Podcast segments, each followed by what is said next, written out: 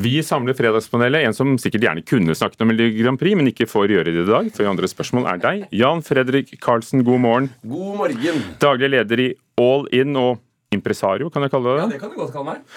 Brita Møystad Engseth, filmviter og kritiker. Du er med oss i Trondheim. Er det noe mer du vil legge til? Nei, ja, det er helt riktig. Det er riktig. Flott. Ja. Marit Moe Maune, regissør. Eh, god morgen. Morgen. Vi har en liten nyhet. Serien du har regissert, og som akkurat har hatt premiere på Viaplay, 'Made in Oslo', med Pia Tjelta i hovedrollen, er akkurat nominert til beste serie i eh, TV-festivalen i Monte Carlo. Ja. Er det noe stas? Gratulerer. ja, vi syns det er stas, og vi er glad for det. Men eh, Pia har sagt derfor ikke lov å bruke min garderobe, så jeg må eh, skaffe meg nye klær. Eller du kan låne noen, for det, det er det folk som gjør. Spiss ører før første spørsmål. Mr. President, Marilyn Monroe. Under The Met Gala i New York, årets mest glamorøse begivenhet, ankom Kim Kardashian i kjolen Marilyn hadde på seg på John F. Kennedys 45-årsdag i 62. Happy birthday to you. Happy Kjolen er kremhvit, 6000 krystaller er sydd inn i stoffet, den er åletrang og utringet. Mr. President. Happy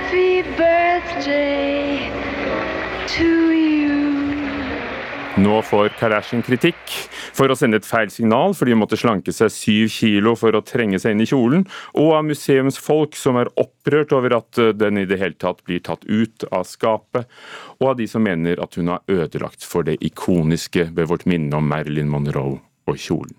Har Kim Kardashian skitnet til, besudlet Marilyn Monroes kjole? Brita?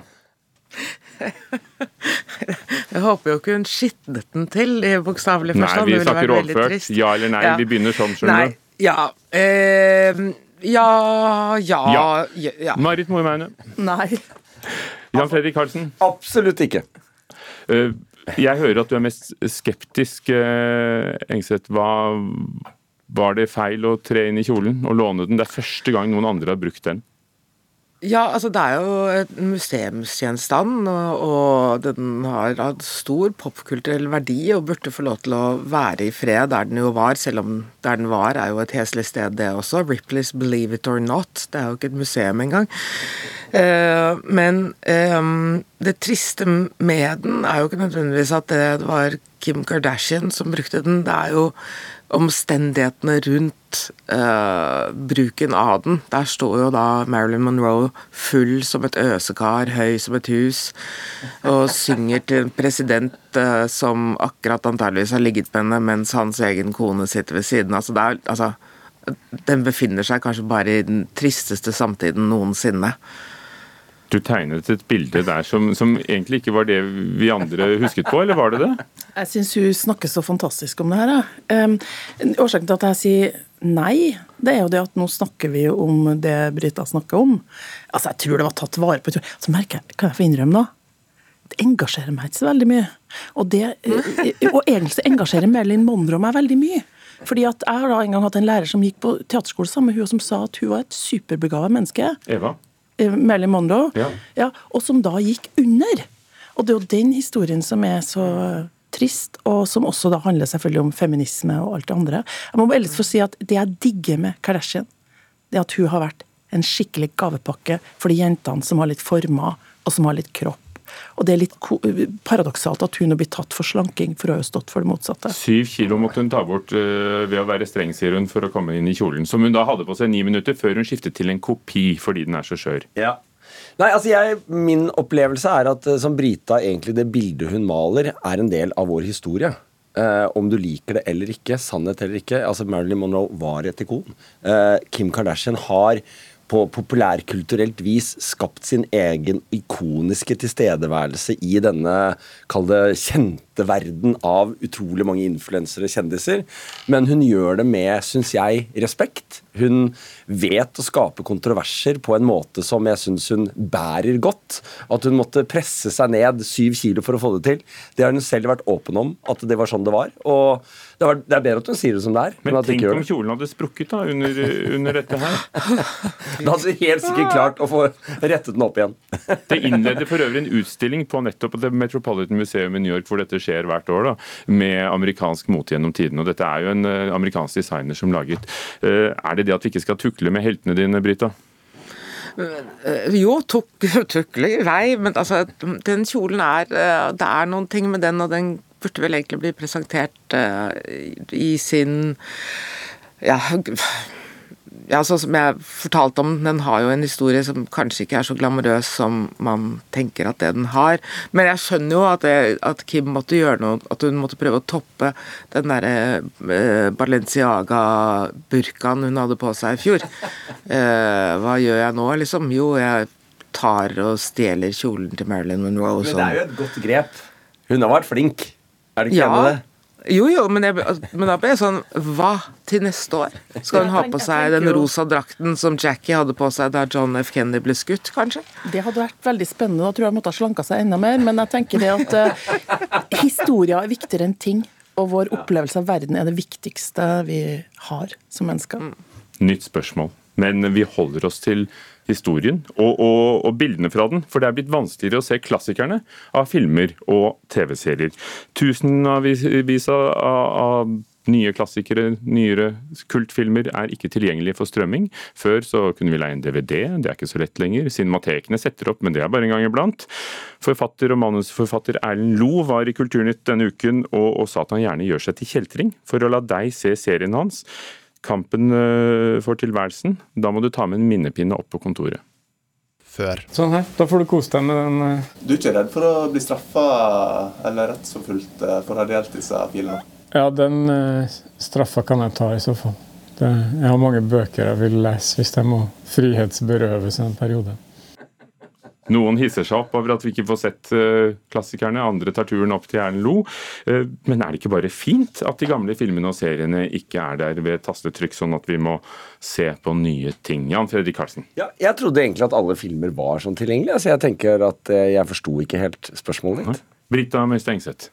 Hva, hva, hva, sa du at du syntes det var Spørsmålet er, er det fint at vi ikke kan se alt, sånn at vi kan se på det nye dere er med å lage, noen av dere? Kan vi ikke se alt? Nei, men hva, Er du blitt gal? Det, nei.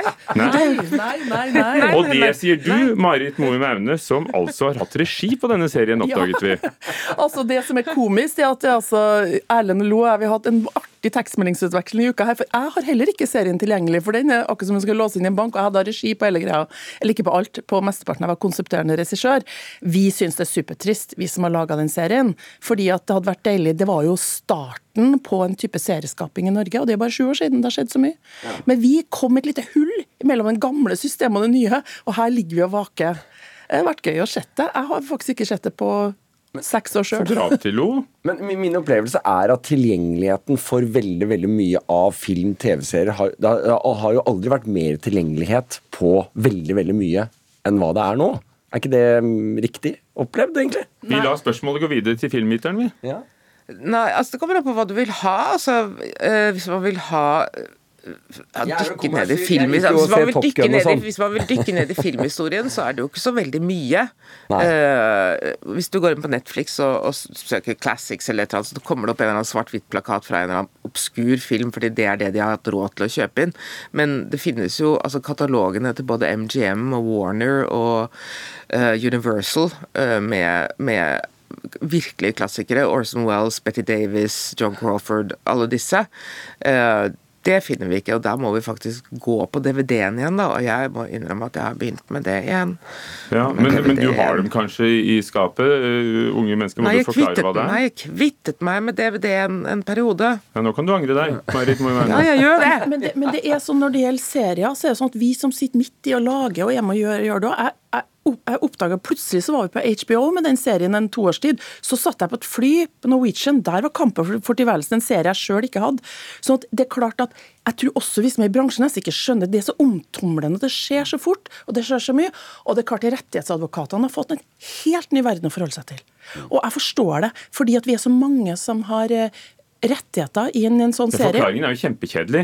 De er ikke enige om, om, om rettighetsvederlaget for årene etter 2015. Nei, for det som skjer nå når vi lager TV-serier nå, nå blir vi kjøpt ut. Nå får vi penger som gjør at dem som da, det sitter én eier. Mens på Kampen for tilværelsen så er alle skuespillere alle som har vært med, eier en liten bit av det. Det er problemet. Men Engseth, er vi i ferd med å miste litt uh, filmhistorie, nå som det er såpass vanskelig selv for, for, for deg? Ja jeg, ja, ja, jeg mener det er en bitte liten krise. Eh, annet fordi vi går glipp av det som i gamle dager het ekstramateriale, hvis du ville ha det. Du får jo ikke det når du sitter på Netflix. Du får jo ikke regissørens kommentarer eller scener som er klippet bort, eller alt det som var verdifullt på en, på en, DVD. Ja, det er jo det som er gøy. Ja. Men hva med eh, sånne litt sære nettjenester som Mubi f.eks.? Fins det ikke noen sånne nisjer hvor du kan finne det du, du ser etter, og en del av oss? Jo, jo, masse nisjer, men det skal jo være tilgjengelig for alle. Det er jo sånn at Moren min må også kunne få lov til å se film. Alt, alt, må være på NRK, for der er alt tilgjengelig. Nytt spørsmål som handler om det gamle og det nye det har vært eh, oppslag om at det har vært flere store plagiatsaker i det siste, i USA, men også, også i, i, Norge. Og, og, nå har endelig den norske kommunisten Rolf Løvland, uh, som har fått mange anklager mot seg pga. Komponisten, ikke kommunisten. Ja, sa jeg ikke komponisten? Jeg følte du sa kommunisten. Ja, det er bra du rettet opp det. Han skrev 'You Raise Me Up', og, og lørdag ble det klart. Løvland er frifunnet i amerikansk rett på meg. Og de tre åra der jeg var igjennom, det må jeg bare innrømme var utrolig tunge år. Vi finner opp hjulet på nytt. En jurist vi snakket med mener det er blitt for enkelt å kalle ting for plagiat. men er det nå vanskeligere og vanskeligere å lage ny musikk som ikke ligner på noe som har vært laget tidligere? Nei. Ja.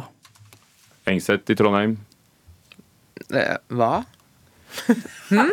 Er det mulig å lage noe helt nytt innen musikken med dine ører? Nei.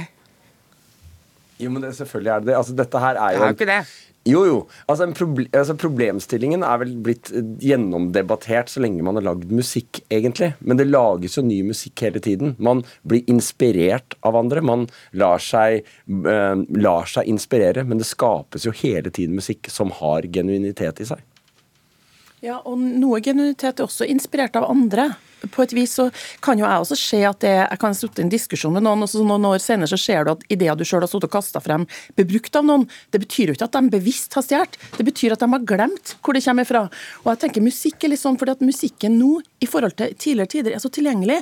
Vi hører musikk hele tida, og jeg tror faktisk, jeg er så naiv, at jeg tror at for en del skjer inspirasjon uten at de stjeler bevisst. Da. Men det hjelper jo ikke når du står der i rettssalen. Nei, men bevissthetsnivået er faktisk en del av eh, retten. Det er om ting er gjort forsettlig eller ikke.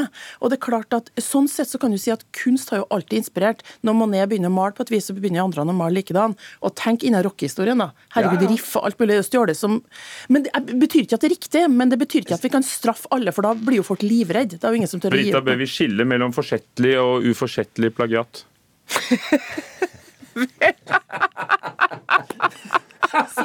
Veldig bra. Det er en krimserie jeg faktisk vil se, det. Eh, etterforskning av uforsettlige og forskjellig. Eh, ja, altså Jeg vet ikke om eh, Altså, et plagiat er, bør være så tydelig at alle hører det, ja. før man går løs på det. Er det for lett å, å, å, rope plagiat, plagiat, som uh, juristen vår altså, hevdet denne uken? Det er jo en måte, Veldig ofte er de som på en måte sier at det har blitt plagiert, er jo mennesker som egentlig kanskje aldri har fått en hit i utgangspunktet. så, det er, så det, er, det er, en måte å få oppmerksomhet på. Etter alle dine år i musikkbransjen, har du havnet i noe sånt klammeri noen gang? Nei, det har jeg aldri gjort.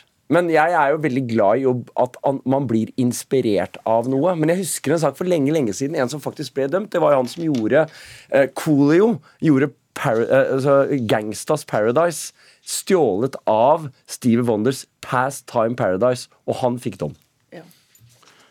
Altså, er blitt helt umulig nå, for nå bruker folk hverandre sitt materiale på et helt annet vis. Har, det har vokst opp en ny tradisjon må vi forholde oss til. Tida forandrer seg. Tiden forandrer seg, men den er ute i hvert fall for oss. Takk skal dere ha. Brita Møystad Engseth med oss fra Trondheim, filmviter Marit Moe Maune, regissør og, og, nominert i Monte Carlo med den siste TV-serien. Uh, og Jan Fredrik Karlsen, Veldig hyggelig. impresario. Ja, koselig å være her.